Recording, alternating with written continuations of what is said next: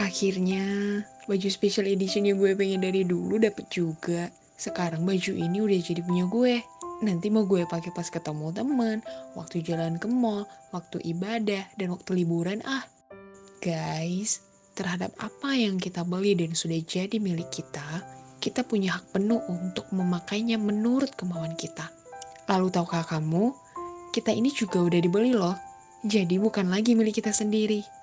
1 Petrus 1 ayat 18 sampai 19 berkata, Sebab kamu tahu bahwa kamu telah ditebus dari cara hidupmu yang sia-sia, yang kamu warisi dari nenek moyangmu itu bukan dengan bara yang fana, bukan pula dengan perak atau emas, melainkan dengan darah yang mahal, yaitu darah Kristus yang sama seperti darah anak domba yang tak bernoda dan tak bercacat.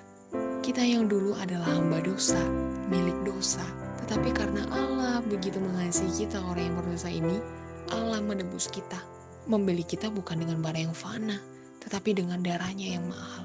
Dan sekarang menjadikan kita milik Allah, kepunyaan Allah. Jadi, Allah lah yang memiliki hak penuh atas kita. Mulai dari tubuh kita, hati kita, waktu kita, dan bahkan seluruh diri kita. Kita adalah milik Allah. Sekarang coba cek lagi hidup kita, waktu kita, Apakah sudah untuk Allah? Yuk persembahkan diri kita lagi kepada Allah, karena kita adalah milik Allah.